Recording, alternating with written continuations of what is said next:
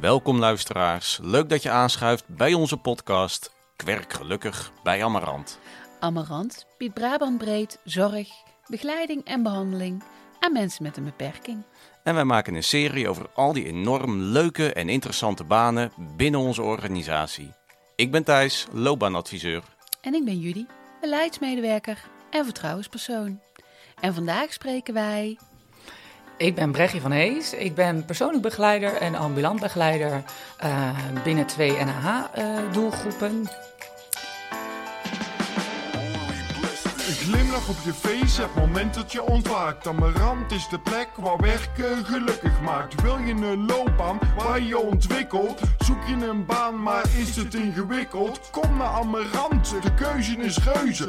Ben je nieuwsgierig? Kom eens lekker neuzen. Voor wat leuk werk met een goede premie. En het leren van iets nieuws op Amarant Academie. Ben je gestrand, zet je zorgen aan de kant. Kom naar Amarant, want geluk staat garant. Ja, ehm, heel leuk voor ons. Thijs, we zijn vandaag weer op Ja, on tour. on tour. Ja, we zijn zeker. weer op locatie. En ehm, ja, we zitten hier met Brechtje.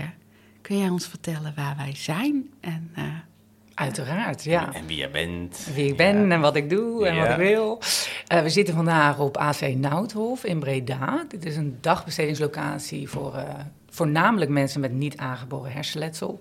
Eh, er zitten ook wel mensen met lichamelijke klachten, maar doorgaans niet aangeboren hersenletsel. En ik werk hier nu drie jaar ongeveer, met een kleine break. Eh, en nu werk ik hier nog één dag in de week. En dat is echt wel mijn geluksmomentje in de week. Want dan mag ik met de mannen in het houtlokaal aan de slag. En de rest van de week ben ik eh, ambulant begeleider met dezelfde doelgroep. Niet aangeboren hersenletsel, maar ook lichamelijk gehandicapten. Eh, denk autisme, denk spierziekte, et cetera. En dan mag ik op pad de andere vier dagen. Mag ik op huisbezoek. En kun jij voor onze luisteraar, die dat misschien niet precies weet, uitleggen wat is niet aangeboren hersenletsel? Ja, het woord zegt het al. Het is hersenletsel wat niet is aangeboren. Dus wat je hebt opgelopen gedurende eh, je leven. Eh, dit kan middels een ongeluk of een herseninfarct of een hersenbloeding.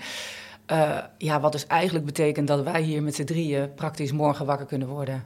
En ons leven veranderd is. En dat typeert ook heel erg mijn werk.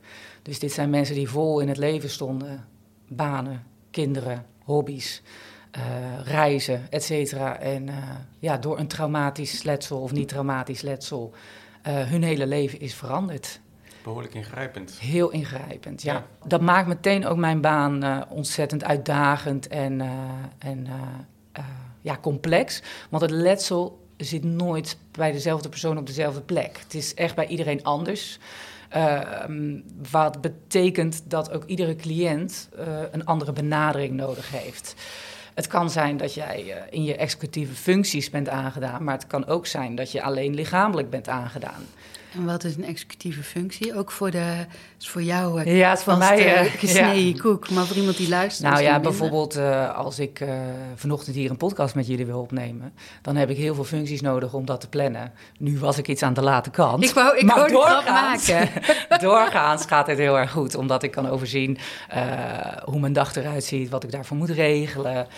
Ehm, en soms kunnen al deze handelingen, die, eh, ja, die eh, voor mij vrij automatisch gaan, die gaan dan op een gegeven moment niet meer automatisch. Daar is iets in verstoord. Daar is zeker iets in verstoord. En als jij een gezond brein hebt, eh, sta je niet bij stil hoeveel, ja, hoeveel daaraan nodig is in jouw brein om de simpelste taken uit te voeren. Ja, en dit kan leiden tot allerlei ja, klachten, uitdagingen, hoe je het wil noemen, eh, in het dagelijkse functioneren. En dat functioneren eh, deed je altijd op een bepaalde manier in de maatschappij. En eh, ja, dan, dat kan ineens zo verstoord zijn dat je ook heel anders overkomt op mensen. Of bijvoorbeeld een persoonsverandering doorgaat. Dus het is echt, zoals je zegt, Thijs, erg ingrijpend. En, En frustrerend, lijkt me zo, hè? Frustrerend, ja. Ja. Want eh, wat ook kan gebeuren, zoals ik zeg, is het letsel elke keer op een... Of eh, niet elke keer, maar het letsel kan overal in je bra- brein plaatsvinden. Maar het kan ook bijvoorbeeld effect hebben op, eh, dat noemen we afasie, op de... Spraak. spraak. Eh, dus over frustrerend gesproken. Hoe wij hier nu die podcast opnemen. Ja. Ik, eh, los van wat zenuwen, zeg ik wat ik wil zeggen. Maar als het er niet uitkomt, kun je je voorstellen dat het heel frustrerend is. En dus de relatie met de wereld om je heen heel erg verandert. En daar komen wij natuurlijk eh, in beeld. Eh, middels dagbesteding, middels ambulant zie ik dat van dichtbij. Hoe belangrijk het is om die ingrijpende gebeurtenis te begeleiden. Zowel in zingeving, maar ook je relaties, je, je, je werk, je, hoe je jezelf ziet, identiteit. Ja, het is echt werkelijk waar alle domeinen. Ja. Dus de wereld is gewoon totaal anders. totaal anders. Ja, En- heel en interessant. wat dat betreft, denk ik interessant om, te, om toe te lichten, is de doelgroep eh, cliënten met niet aangeboren hersenletsel binnen Amarant ook best wel uniek. Zeker, ja. We zijn een klein takje, heb ik begrepen, binnen Amarant. Ja. Eh, staat helemaal op zichzelf, heb ik ook begrepen. Maar het is echt mooi dat Amarant eh, deze doelgroep eh, ook dient. Want eh, nu zijn er veel mensen met hersenletsel, maar dat gaat in de toekomst, zoals je kan voorstellen, toenemen. Mijn jongste cliënt ambulant is 20. Eh, mijn oudste cliënt is 85. Ja. Eh, dus dit betreft niet alleen een bepaalde doelgroep eh, qua leeftijdsgroep. Eh, ja, en ze voorspellen dat dat gaat toenemen. En Is dat in verband met vergrijzing of heeft dat andere redenen? Ehm, Ja, ook vanwege hersenziektes, dus Ja. vergrijzing inderdaad. Want even voor de duidelijkheid, niet aangeboren hersenletsel kan ook door Parkinson veroorzaakt worden of door een hersentumor, iets in die trant.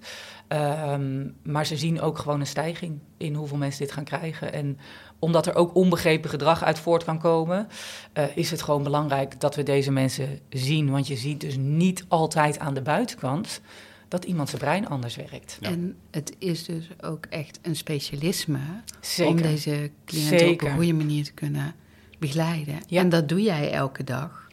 Ehm, maar hoe ben jij daar specialist in geworden? Dus ja, een hele goede jij hier vraag. terechtgekomen?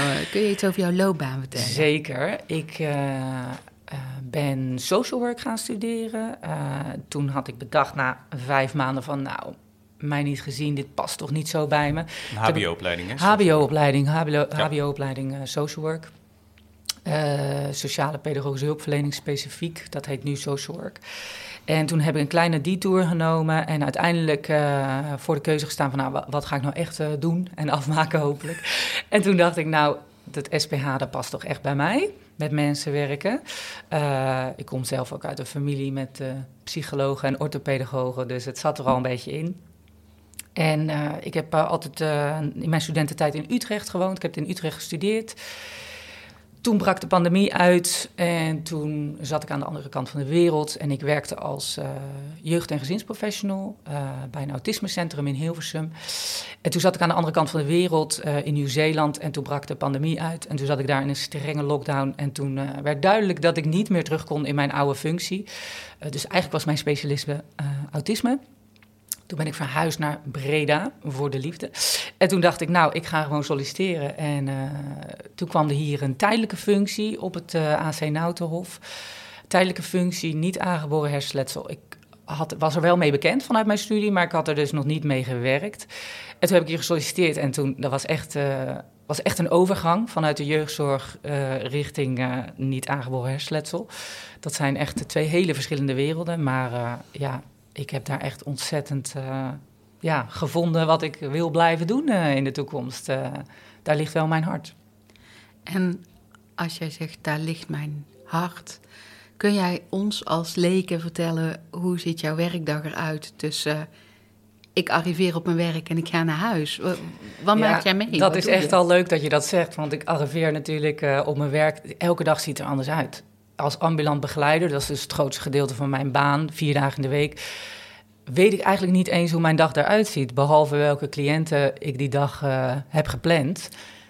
Ik breek heel even in, omdat ambulant begeleider voor ons een bekende term Ja. is. Ik weet niet of iedere luisteraar Oh, dat weet een wat hele ambulante goeie. begeleiding Ik betekent. zal dat even toelichten. Dus ik ben op het AC Nauwdorf ben ik persoonlijk begeleider op locatie. En ambulant betekent eigenlijk dat je de zorg eh, ja, ambulant verzorgt. Dus in iemands thuissituatie. Ja. Dus ik eh, Begeleiding aan huis. begeleiding aan huis. Dus geen behandeling intern of begeleiding intern, maar extern. En ik denk dat dat ook heel belangrijk is voor mensen met niet aangeboren hersenletsel. Want doorgaans gaan zij na hun letsel uh, hopelijk uh, in revalidatie. Dan komen ze op een gegeven moment weer thuis. Ja, en dan begint het leven dat er ineens compleet anders uitziet. Dus ik kom thuis en nou, daarom is mijn baan zo divers. Het ligt totaal aan iemands situatie uh, uh, waar diegene ondersteuning bij nodig heeft. Dus dat kan zijn sociale relaties. Hoe ga ik om met mijn netwerk? Hoe vertel ik wat er in me omgaat? Het kan zijn een stukje zingeving van ik ben mijn baan kwijt, ik ben afgekeurd. hoe, hoe ga ik daarmee om? Hoe vind ik opnieuw uit wie ik ben? het kan gaan hoe ga ik om met vermoeidheid. Vermoeidheid is een van de meest voorkomende klachten bij niet-aangeboren hersenletsel. Dus ja, ik stap ochtends in de auto, ik ga naar mijn cliënten en we zien wat er achter de voordeur speelt. En hoeveel cliënten bezoek je op een dag? Ik bezoek uh, gemiddeld tussen de vier en zes cliënten per dag. Vijf cliënten is wel ja, vaak de max. Soms ben ik een uur bij iemand, soms maar een half uur, omdat iemand daarna vermoeid is van het gesprek. Soms anderhalf uur. je kan je voorstellen dat dat dat emotioneel is deze baan wel uitdagend. Je moet heel veel kunnen schakelen in, en kunnen afstemmen en uh, kunnen inleven. Um, dus na vijf cliënten dan uh, zit het er ook wel echt op. En we hebben natuurlijk ook een stukje verantwoording af te leggen. Dus een stukje dossiervoering. dus je zorgt dat je rapporteert, je zorgt dat je overlegt met je collega's. Dat wil ik wel graag vertellen. Als ambulant begeleider ben je dus alleen onderweg in je auto. Maar ik heb een fantastisch team die ik elke maand zie voor intervisie, voor vergaderingen. Ik kan altijd mijn senior bellen of mijn collega's om even te sparren of om even te ventileren wat ik zojuist heb meegemaakt. Want ik maak wel eens dingen mee dat ik denk, nou, wat gebeurt mij nu? Kun, uh, kun je ons daar iets over vertellen? Ja, zeker. Ja, zeker. Dat zijn en natuurlijk de leuke dingen.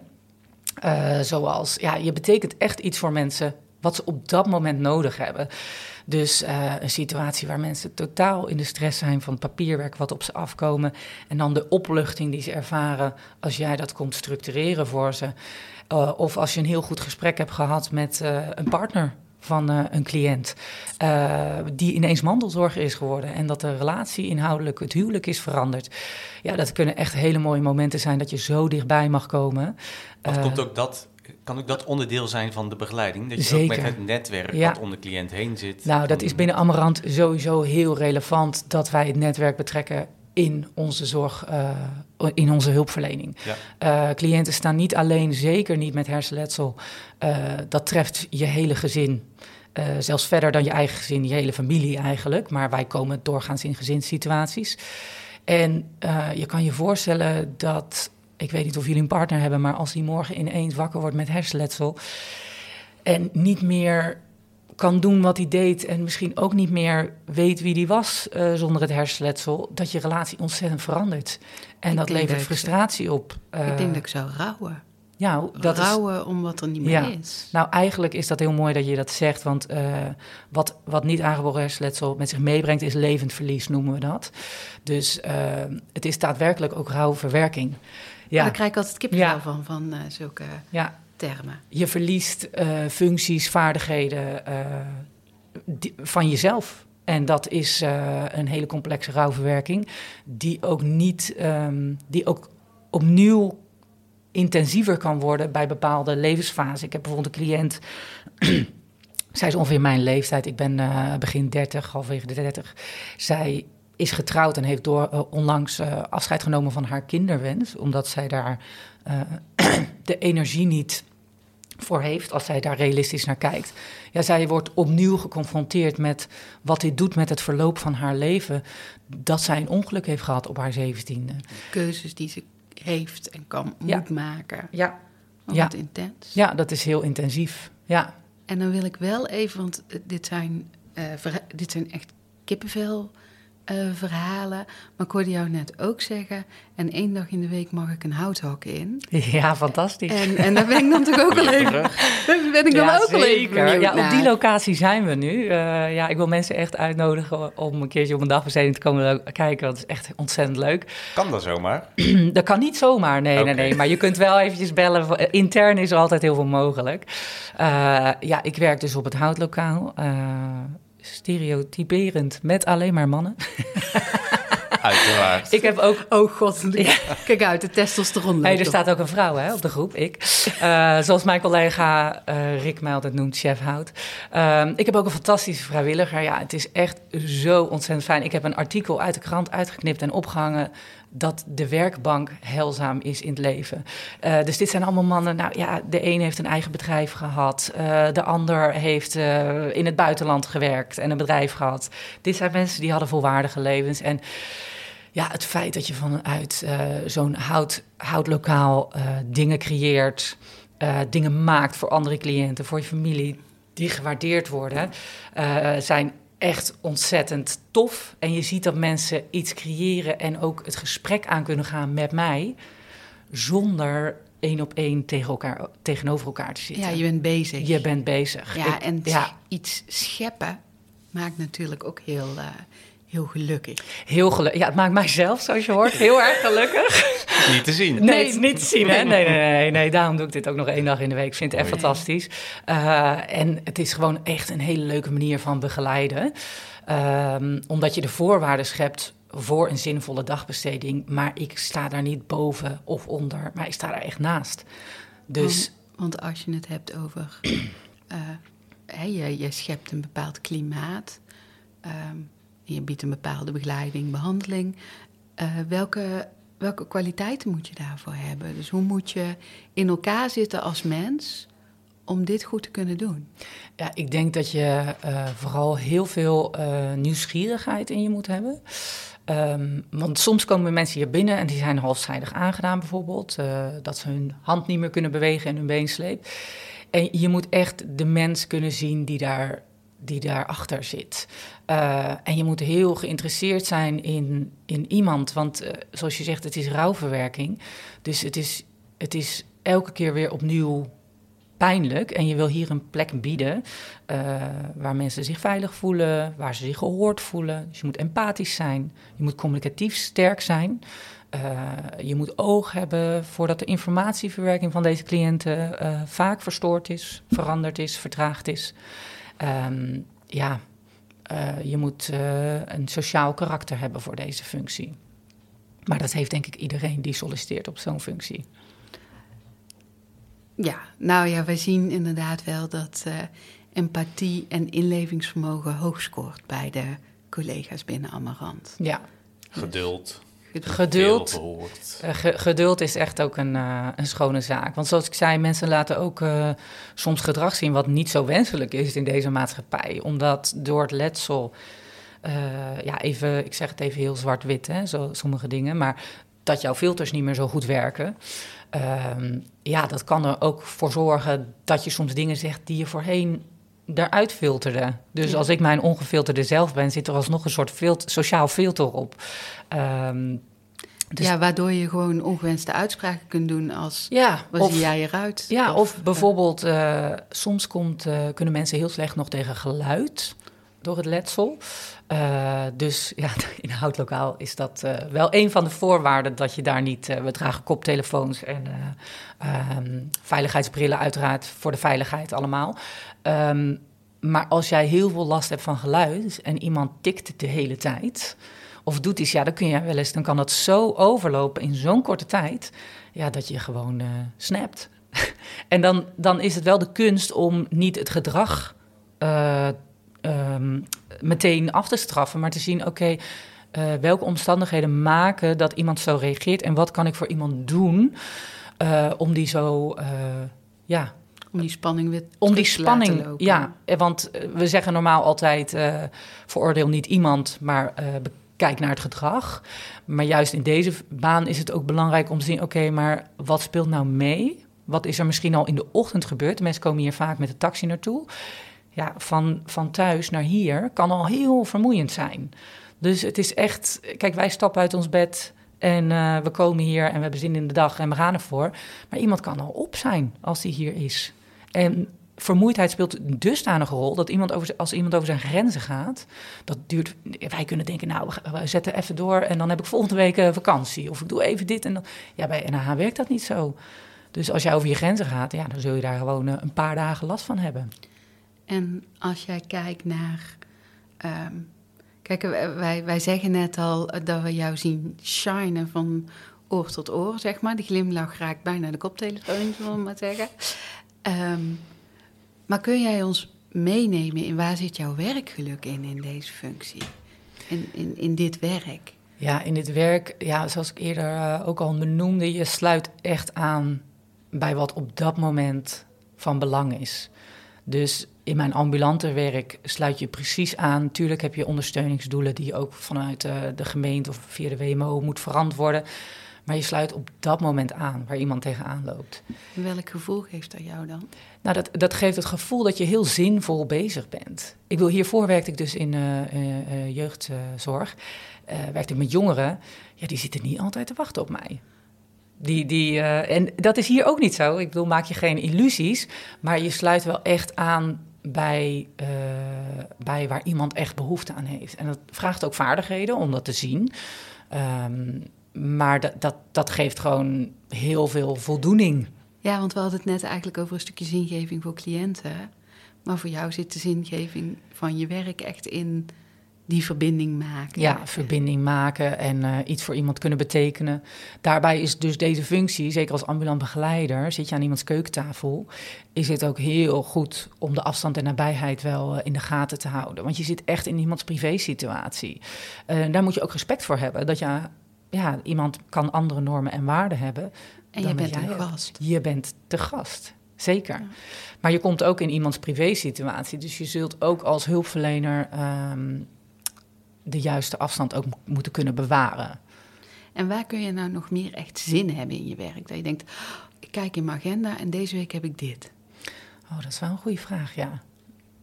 Ik denk dat ik uh, heel erg uh, gelukkig word van goede, goede gesprekken met, uh, met het netwerk. Dus als er een stukje begrip groeit tussen degene met het hersenletsel en dienstomgeving. Oké, okay, helder. En, en dan moet ik altijd de, de laatste vraag. En stel iemand zit nu te luisteren en denkt: wow, dat is een gaaf baan. Ik kan niet anders. Dat kan niet anders. Kan niet nee. anders. Ik kan allebei mijn functies aanraden. En wat is jouw advies aan die luisteraar? Mijn advies is je kan met uh, veel verschillende achtergronden deze functie doen. Uh, ik heb een HBO-achtergrond, maar met een MBO-achtergrond kun je ook deze functie uh, bekleden. Ik zou zeggen, als jij leergierig en enthousiast en open je opstelt, ja, daar, daar krijg je zo ontzettend veel voor terug binnen deze functies. Ja, daar, nou, ik denk dat je dat super mooi duidelijk hebt gemaakt. En ik wil jou eigenlijk gewoon bedanken voor een heel leuk gesprek. Jullie ook. Ja, ja, ik vond het ook erg leuk. Dank je wel. Voor we afsluiten, eerst nog even dit. Werk jij al bij Amarant en wil je meer weten over deze functie? Wil je in gesprek met een loopbaanadviseur? Of heb je vragen of opmerkingen over deze podcast? Mail dan naar loopbaanadvies.amarant.nl Of neem een kijkje op Sam. Werk je nog niet bij Amarant, maar zou je dat na het luisteren van deze podcast wel heel graag willen? Kijk dan op amarant.nl voor onze actuele vacatures en om in contact te komen met onze recruiters. Bedankt voor het luisteren naar Kwerk Gelukkig bij Amarant. Naast ons hoorde je ook Jan GVR Hovens, bewoner bij Amarant en maker van onze podcast tune. Tot de volgende! Houdoe! Op je face, het moment dat je ontwaakt. Amarant is de plek waar werken gelukkig maakt. Wil je een loopbaan waar je ontwikkelt? Zoek je een baan, maar is het ingewikkeld? Kom naar Amarant, de keuze is reuze. Ben je nieuwsgierig? Kom eens lekker neuzen. Voor wat leuk werk met een goede premie. En het leren van iets nieuws op Amarant Academie. Ben je gestrand, zet je zorgen aan de kant. Kom naar Amarant, want geluk staat garant.